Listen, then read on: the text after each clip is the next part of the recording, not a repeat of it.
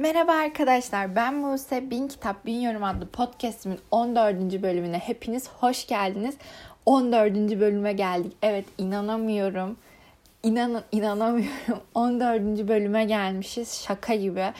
Çünkü ben bu yola çıkarken tabii ki de bin kitabı hayal ediyorum. Hedefim bin kitap. Ama sürekli şey yapıyordum. Ya işte muhakkak bırakırım. Okulun okul stresim arttığında kesin ara veririm. Yapamam. İşte destek göremem, beceremem bu işi, sevemem falan diyordum ama yaptığım ilk günden beri her kitap için ayrı heyecan duyuyorum. Ayrı ayrı notlar alıp size en iyisini aktarmaya çalışıyorum. En doğru şekilde hani okumaya şevk etmek istiyorum yani uzun lafın kısası. Ve bunu 13 bölümdür e, güzel bir gayret ve azimle yapıyorum. Ve bugün 14. bölümü çekiyorum. Sizinle de paylaşıyorum. Çok heyecanlıyım. E, 100'e gelince ya da 200'e gelince nasıl heyecanlı olduğumu düşünsenize. Galiba elim ayağım titrer konuşamam bir türlü. E, 14'teyiz işte hadi hadi sevinin 14'teyiz. Eller havaya. Oley oley oley 14. bölümdeyiz. Aa bak bu güzel şarkı oldu. Her bölüm için buna uyarlayabilirim. Oley oley oley 15. bölümdeyiz. Bakın oluyor. Her artık yeni intromuzu bulduk. Yani bin kitap bin yorum introsundan sonra ne ne ne ne ne ne ne ne bölüm adını söyleyeceğim. Yeni intromuz bu. Hemen bu goy goydan sonra neyi hatırlatmam gerekiyor? Yani artık hepiniz öğrendiniz. Instagram hesabımı, Instagram hesabım bir muhteşem kitap 3P ile hadi hep birlikte söyleyelim. Bir muhteşem kitap 3P ile. Bunu artık benden daha iyi biliyorsunuz. Hemen gidiyorsunuz. 14. bölümün kitabı mı? Aa fotoğrafı da çok güzelmiş. Hemen beğeneyim. Diğerlerine bakıyorsunuz. Aa bu kitap mükemmel. Aa bu kitabın podcastini hemen dinleyeyim. Bununla ilgili bir sorun var. Aa bu kitabı çok merak ediyorum. Bu yazarı çok merak ediyorum. Buse'ye sorayım derseniz hemen bana ulaşabilirsiniz oradan. 7-24 oradayım. Mümkün olduğunca oradayım yani. Ama sizin sorularınıza hemen cevap veririm. Merak ettiklerinize, okumak istediklerinize, sormak istediklerinize hemen. O an cevap veririm. Bugün çok heyecanlıyım çünkü çok tatlı, bir içimizi kıpır kıpır edecek bir kitaptan bahsedeceğim. 10 sürpriz randevu. Valla adı üstünde adı üstünde 10 sürpriz randevunun yaşandığı bir kitaptan bahsedeceğim. Ama önce ne yapıyoruz? Hemen kitabın özelliklerinden bahsediyoruz ve konusunu anlatıyoruz. Sonra podcast'ın sorusu goy goy şamata falan filan derken 13. Aa, kaçıncı bölüm? 14. bölümde bitmiş oluyor. Biliyorsunuz birkaç kitaptır Bridgerton serisini bir e, arada da iki tane kıyıya bir yabancı yorumlamıştık. Bir başka kitabı daha yorumlamıştık. Sonra Bridgerton serimizi bitirmiştik. Benim e, podcast'a başlamama sebep olan seri. O seriyi çok beğendiğim için sizinle paylaşmak istemiştim. Daha sonra işte Gömül Şam'dan konuştuk. Dorian Gray'in portresini konuştuk. On Küçük Zenci'yi konuştuk. Onlar biraz ağır gibi geldi bana. Bugün dedim daha böyle beni dinleyen genç arkadaşlarım varsa onlar için böyle çıtır çerez, hoş, hemen okunabilecek, size okuma e, zorluğu çekiyorsanız bu zorluktan çekebilecek bir kitap olan 10 Sürpriz Randevu'dan bahsetmek istedim. E, hemen 10 Sürpriz Randevu kitabının yazarı Ashley Alston. Ee, ve basan yayın evi de yabancı yayın evi. Ee, yabancı yayın evi ile Pegasus biliyorsunuz böyle kitapların öncüsüdür. Genelde hani genç kitapları, genç yetişkin kitapları, fantastik kitapları, olağanüstü olayların geçtiği e, genelde ergen denilen ama ben genç olarak bahsedeceğim. O kesimin okuduğu kitapları bolca ve çok güzel şekilde basıyorlar. Genelde çoğu ciltli oluyor. Kapak tasarımları muhteşem oluyor. Ki bu kitabın kapak tasarımı muhteşem. Hemen Instagram'ıma gidip beğenebilirsiniz dinlerken. E, ben bu kitabı Aa, önce kitabın kaç sayfa olduğunu söyleyeyim sonra ona devam edeyim. Kitap 260 sayfa. Ben 3 günde bitirdim. Su gibi akıyor. Onu söyleyeyim önce. E, Ashley Alston'ı ben daha önce okumadım. Zaten yazarın e, bizim ülkemizde basılı 3 kitabı var. Üçünü de yabancı kitap evi bastı. E, ben bu kitabı bilmiyordum doğrusu. Benim e, takip ettiğim blogger var bir tane Derya Sevim. Kendisi fantastik kitap kraliçesi, mükemmel fantastik kitaplar öneriyor. Arada böyle genç, genç yetişkin, böyle e, tatlı hikayelerin geçtiği kitapları da okuyor. O yüzden bu kitabı önerdim. Ben de ona güvendiğim için ve birazcık okuma hızımı arttırmak için. Çünkü peş peşe klasik ya da ağır kitaplar okuduğunuzda biraz okuma hızınız yavaşlıyor. Böyle çıtır çerez denen, e, hızlı okunan, konusu su gibi akan kitaplar biraz daha hızlandırıyor sizi. Ben de o, öyle bir dönemdeydim ve bu kitabı aldım. Kitabı ben 24 liraya internetten aldım. Ee, ve süper bir kitaptı. çok eğlendim. Yani süper demeyeyim de e, benim e, istediklerimi bana verdi. Beni çok iyi tatmin etti. O yüzden süper bir kitaptı.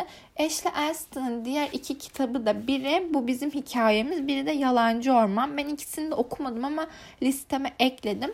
Bu iki kitap e, polisiye kitabıymış. Öyle biliyorum. Yani genç yetişkin böyle eğlenceli bir kitaptan daha çok polisiye ağırlıklı bir kitapmış. Listemde ekli. Bence ileriki zamanlarda o diğer kitapları da bizim konuğumuz olacak gibi. Hemen konudan bahsedelim. Çok tatlı, çok hoş, heyecan dolu bir e, heyecan dolu demeyeyim de böyle kıpır kıpır edecek bir konusu var. Ben de çok gaza geldim. Hemen konusunu anlatıyorum. Sonra podcast'in sorusuyla devam edelim. Konumuz biraz hayal ürünü bir konu. Çok uzak yani bizim için hele bir Türk genci için acayip uzak bir hayal. Ama bence yurt dışında da böyle hikaye çok çok çok nadir olabilecek bir hikaye. Tamamen hayal ürünü ama e, gerçek olsaydı nasıl olurdu, ne kadar tatlı olurdu onu anlatan bir hikaye. On sürpriz randevumuzun e, baş karakterimizin adı Sophie. Sophie 12. E, sınıf ben hani 12. sınıf diyeceğim e, lise son onlarda hani farklı bir isim de geçiyor olabilir de ben 12. sınıfta e, bir üniversiteye gitmek istiyor ve üniversite için ufak tefek hazırlıkları var tabii ki de. Şimdi üniversitesinin adının açılımını unuttum. O yüzden bir tane üniversite adı sallayalım. Ben Yıldız Teknik okuyorum. Yıldız Üniversitesi diyelim. Yıldız Üniversitesi'ne gitmek istiyorum. Tabii Sophie'nin de bir yıllık bir erkek arkadaşı var Griffin diye. Griffin de biraz Sophie şey buluyor. Hani üniversite hazır. Tabii onlar bizim gibi harala gürele çalışıyor mu bilmiyorum da onlar için tabii başka şeyler de var. Tek bir sınav yok. Yetenek bilmem nasıl başvuruyorlar. Kabul süreci falan var. Ben öyle biliyorum. Bizim gibi bir sınava bağlı değil hayatları maalesef. Oradan zaten bir darbe yiyorsun. Ah diyorsun. Buradan bile gerçek olamayacak. Yani bu bile gerçek olamayacak. Senin yeteneklerine ve becerilerine göre değil de 2-3 saatlik bir sınavla okula alıyorlar. Neyse. Neyse bunu şimdi Silivri soğuktur arkadaşlar. Devam edelim. E, Griffin Sophie bu sınav hazırlıklarından ve sınav stresinden dolayı birazcık şey buluyor artık. Eğlencesiz, hiç iyi vakit geçiremiyoruz, güzel vakit geçiremiyoruz falan buluyor. Ve Sophie bunu e, duyuyor bir şekilde. Yani bir partide kulak misafiri oluyor ve e, Griffin'le ayrılıyor. Bu dönemde şey dönemi, yılbaşı dönemi, yılbaşı arifesi ve dönemi. Onlar biliyorsunuz yılbaşını bizim gibi yani Noel olarak kutluyorlar. E, Noel arifesi öyle diyelim. E, ve Sophie bunu duyunca direkt e, Noel'i hep kutladıkları yani yılbaşını Noel'i hep kutladıkları anneannesinin yanına gidiyor. Anneannesi de Sophie'nin yaşadığı yere bir saat uzaklıkta bir yerde oturuyor. Ve şöyle bir şey var. Sophie'nin anne tarafı 8 kardeş. Yani ve Sophie tabii ki de o tarafı daha çok seviyor. Yani şimdi kim baba tarafını anne tarafından çok seviyor ki? Lütfen. Ben de anne tarafımı daha çok seviyorum. Oradaki kuzenlerimle daha çok eğleniyorum. Daha çok vakit geçiriyorum ve daha çok görüşüyorum. Çünkü anne tarafı öyledir. Öyle olması gerekir. Neyse Sophie ağlayarak üzün, üzgün bir şekilde oraya gidiyor. Tabi arka planda ben şunu söylemeyi unuttum. Sophie'nin hamile bir ablası var. Doğum yapmak üzere fakat birkaç sıkıntısı var. O yüzden annesiyle babası onun yanına daha uzak bir mesafe 3-4 saatlik bir uzaklıkta olan bir yere gidiyorlar ablasının yanına. Sophie de işte evde tek kalmamak için üzgün de olduğu için yılbaşını anneannesinin de yanında geçiriyor. Ee, anneannesinin evi tabii 8 e, kardeş yani 8 çocuk olunca yol geçen hanı gibi oluyor. Tabii bu çocukların çoğu evli. Biri hariç hepsi evli. Onların e, kocaları ya da eşleri var. Onların 3-4 tane çocukları var. Yani az çocuk da yapmıyorlar. En az iki yani öyle. bu ev yol geçen hanı. Zaten orada birazcık iyice hayal ürünü olmaya başlıyor. Çünkü eve geliyorlar açık büfe kahvaltı sürekli tatlılar börekler çörekler şimdi benim de annemin beş kardeş var ama biz gidiyoruz öyle mal oturuyoruz orada yani hiç öyle börekmiş, çörekmiş, açık büfe kahvaltıymış, tatlılarmış, işte sana destek ol yani öyle bir şey yok. Yalan, külliyen yalan. Neyse orada hayal ürünlüğünü hissediyorsun yani. Olmayacağını hissediyorsun. Öyle bir şey olmaz. Ki bence yurt dışında da yok yani böyle bir durum. Çok e, uçuk bence.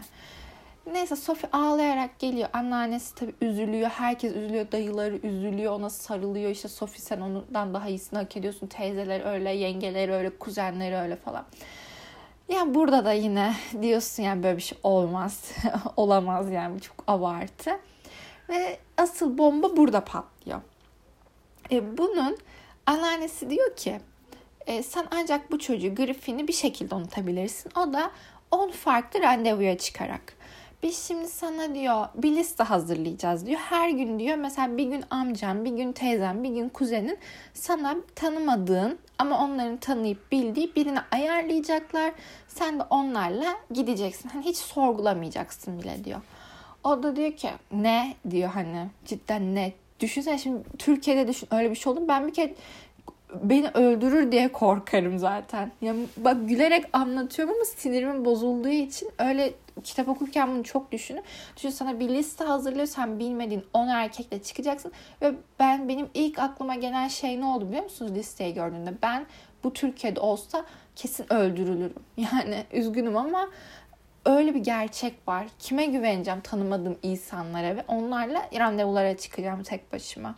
Tabii yurt dışında bu konuda tabii ki orada da kadınlar belki bizim bizden daha iyi ya da kötü durumda mı bilmiyorum ama hani yine de olmaz bence ya. 10 randevu hem de amcamın, dayımın, teyzemin ayarladığı 10 randevuya kimse bence öyle bir durum yaşamamıştır yurt dışında.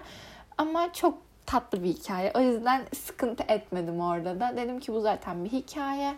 Oku. Yani hayalini hayalinde yaşa bunu. Gerçek olamayacak en azından hayalinde yaşa dedim.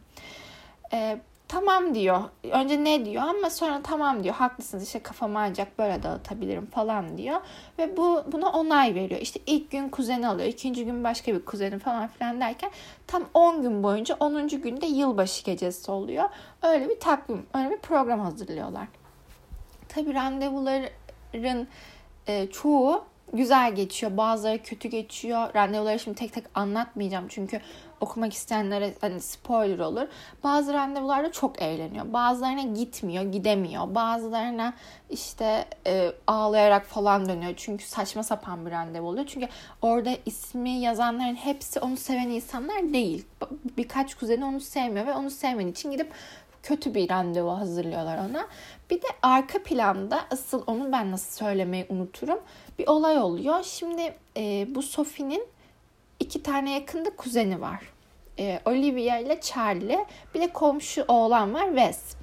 Olivia, Charlie ve Wes Ayrıca Sophie'de bunlar küçükken işte 10-11 yaşlarında yani 15'e kadar öyle diyeyim çok yakın arkadaşlarmış. Böyle dörtlü grup hepsi aynı okula gitmek istiyorlar. Hepsi birlikte hareket ediyorlar falan ama Olivia, Charlie ve Wes orada yaşadığı için Sophie'de bir saat uzak bir mesafede yaşadığı için sürekli bir zamanla kopuklaşmaya başlamışlar ve Sophie sadece bayramda Seyran'da anneannesine hani onların yanına gitmeye başlamış. Tabii bu on randevu oyunu yaşanırken bu üçlü yani dörtlü diyeyim aslında Sophie, Olivia, Charlie West ve Sophie birbirlerine daha çok yakınlaşıyorlar. Daha çok ısınıyorlar. Eski hallerine geri dönüyorlar. Tabii o eski hallere dönünce bazı kıvılcımlaşmalar ortaya çıkıyor.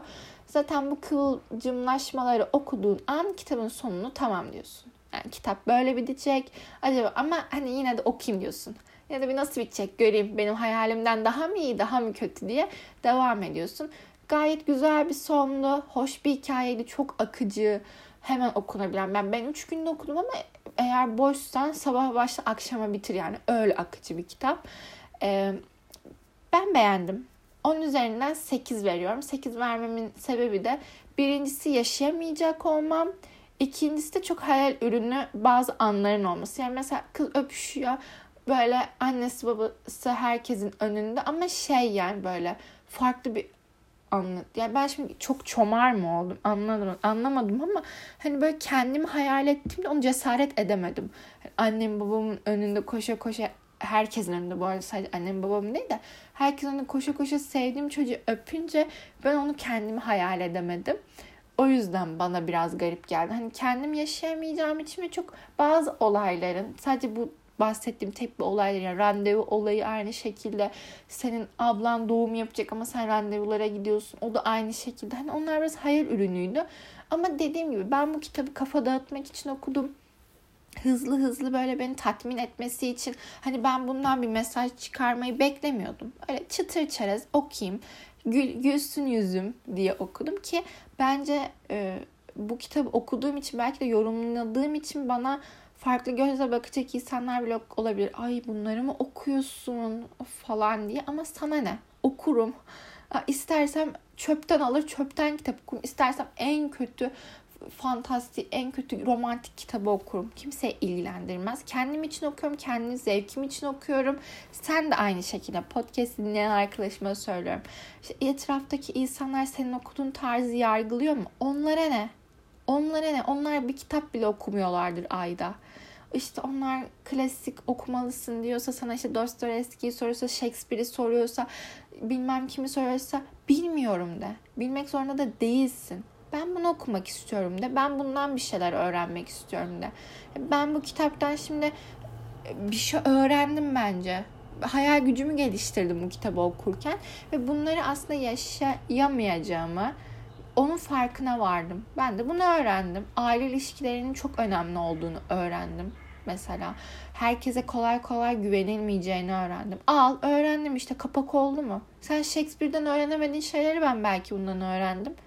O yüzden buradan beni eğer dinleyip sürekli insanların kitap okumasını yargılayanlar varsa onlara mesaj olsun bu. İstediğimizi okuruz, istediğimiz şekilde yaparız her şeyi. Yapmakta özgürüz. Yani bu yasak bir kitap mı? Hayır ki hiçbir kitap yasak olmamalı. Yani saçmalık. Tabii şu an yasak kitaplar var mı bilmiyorum ben hani şey yapmıyorum ama hani zamanında şu an çok rahat okuduğumuz kitaplar zamanında yasak kitaplardı. Ondan bahsetmek istiyorum. Yani bence hiçbir sıkıntı yok. Kitap okumak. Bakın sadece kitap da değil. Çizgi roman okuyabilirsiniz. Manga okuyabilirsiniz. Her şeyde bir şey var. Ben şimdi hem de manga araştırmasına falan girdim. İlgimi çekmeye başladım mangalar. Olabilir yani. İstediğinizi okuyabilirsiniz. Sonuçta siz kendiniz için okuyorsunuz. Kendinizi geliştirmek için bir şeyler, kendinize bir şeyler katmak için okuyorsunuz. Sakın ha insanlar yüzünden okumanızı ara verip e, farklı sevmeyeceğiniz bir tarzda kendinizi okumak için zorlamayın. Ben tamam klasikte seviyorum. işte farklı türlerde belki çok kalın kitapları da okuyabiliyorum. Bir şekilde altından çıkabiliyorum ama ben de ilk kitap okumaya şey kitaplardan başladım. İşte e, vampirli, böyle melekli, işte gökten düşmüş melek, böyle genç kurgulardan başladım. Yani sonra onlardan kazandım okuma alışkanlığıyla işte biraz Stephen Zweig'a yöneldim. O da kısa kısa okunuyordu. Sonra dedim ki biraz şunu okuyayım, biraz bunu okuyayım derken kendi tarzımı buldum, kendi sevdiklerimi buldum, kendimi öğrendim. İşte klasik okuduktan sonra araya bir tane genç kitabı ya da e, hemen okunacak bir kitap koyuyorum ki hızlandırabileyim kendimi. İşte kendinizi çöze çöze seveceksiniz her şeyi. Ben kitaptan çok uzaklaştım. Çok çok uzaklaştım hem de. O yüzden hemen podcast'in sorusunu yanıtlayalım. Ee, sonra vedalaşalım olur mu? Podcast'in sorusuna gelecek olursak böyle hayal ürünü, hikayeler okumak size neler hissettiriyor? Ve hayal ürünü derken olmayacak şeyler. Hani okurken ya bu bunu ben yaşayamam, bu olmaz. Genelde bu fantastik kitaplarda çok olur ve Türk Wattpad kitapları adı altında geçen kitaplar da çok olur. İşte bir tane okula girersin. İşte bir tane kötü çocuk vardır. Ona aşık olursun falan. İşte bir arkadaş grubu vardır. Tüm belalar onların başına gelir. Melekler vardır, vampirler vardır, kurt adamlar vardır. Farklı farklı şeyler. Hani gerçek hayattaymış gibi yazılan ama gerçek hayatta olmayacak kitaplar. O kurt adamlar okula giderler. Vampirler komşundur. İşte o kötü çocuk okulunda senin peşinden gelir falan filan. Hani gerçek bu olabilir bakın gibi yazılır ama olmaz aslında hayal üründür. Sen okula gittiğinde kötü çocuğun peşinden koştuğunda kötü çocuk sana bir tane yürü git der. O zaman oturursun oturduğun yere. Kimse kötü çocuğun peşinden koşmaz. Yalan. Hiçbir kız sigara içen, e, yapan, döven, şey yapan kızın erkekten hoşlanmaz. Yani öyle bir şey yok. Hemen şu an farkına varım bunun.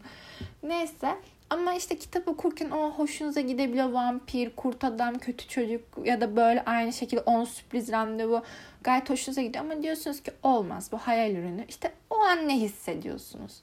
Ben çoğu zaman kıskanıyorum öncelikle. Çünkü hayatım çok monoton, çok düz.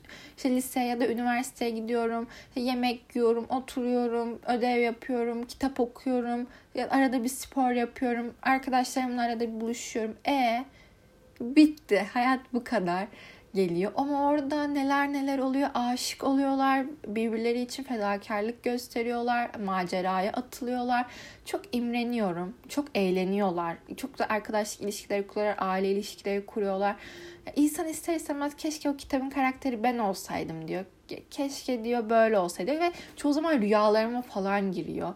Ben zaten kitaplığımda ya işte 20 kitabım mı çok beğendim. Çok fantastik. Onların baş kahramanlarına aşığımdır. Erkek karakterlerine. Çünkü her zaman baş karakterdeki kız olmak istemişimdir. Onunla birlikte maceralara atılmak istemişimdir. On sürpriz randevu da benim için öyle bir kitaptı. Yani keşke yaşasaydım. Keşke ben de o eğlenceyi e, eğlenseydim yani gidip eğlenseydim vakit geçirseydim farklı farklı erkeklerle farklı farklı insanlarla farklı ortamlarda kafamı biraz dağıtsaydım. Bu pandemi döneminde cidden ona çok ihtiyacımız var. Siz bu konu hakkında ne düşünüyorsunuz? Sizin de böyle imrendiğiniz, keşkelediğiniz kitaplar oldu mu? Neden oldu? Hani bazen mesela olumsuz olarak da demek demiş olabilirsiniz ya iyi ki bu kitapta değilim bu ne biçim kitap falan demiş de olabilirsiniz. Bana bu sorularınızın cevaplarını çok merak ediyorum. Bana Instagram'dan tekrardan bahsettiğim gibi bir muhteşem kitap 3P ile ulaşabilirsiniz. Ya bugünlük bu kadar olsun. Birazcık bazı yerlerde kitaplardan saptım. Genelde çok kitaptan saptım ama bugün böyle içimden geldi. Bakın ne kadar tempolu başlayıp düştüm bir anda. Böyle arada bana yani güven olmuyor. O zaman hepinizi çok seviyorum. Kendinize çok iyi bakın. Haftaya cuma görüşmek üzere. Sağlıkla kalın. Bol bol kitap okuyun. Hemen. Hemen bunu kapatıp kitap okuyorsun. Hemen koş koş koş koş koş.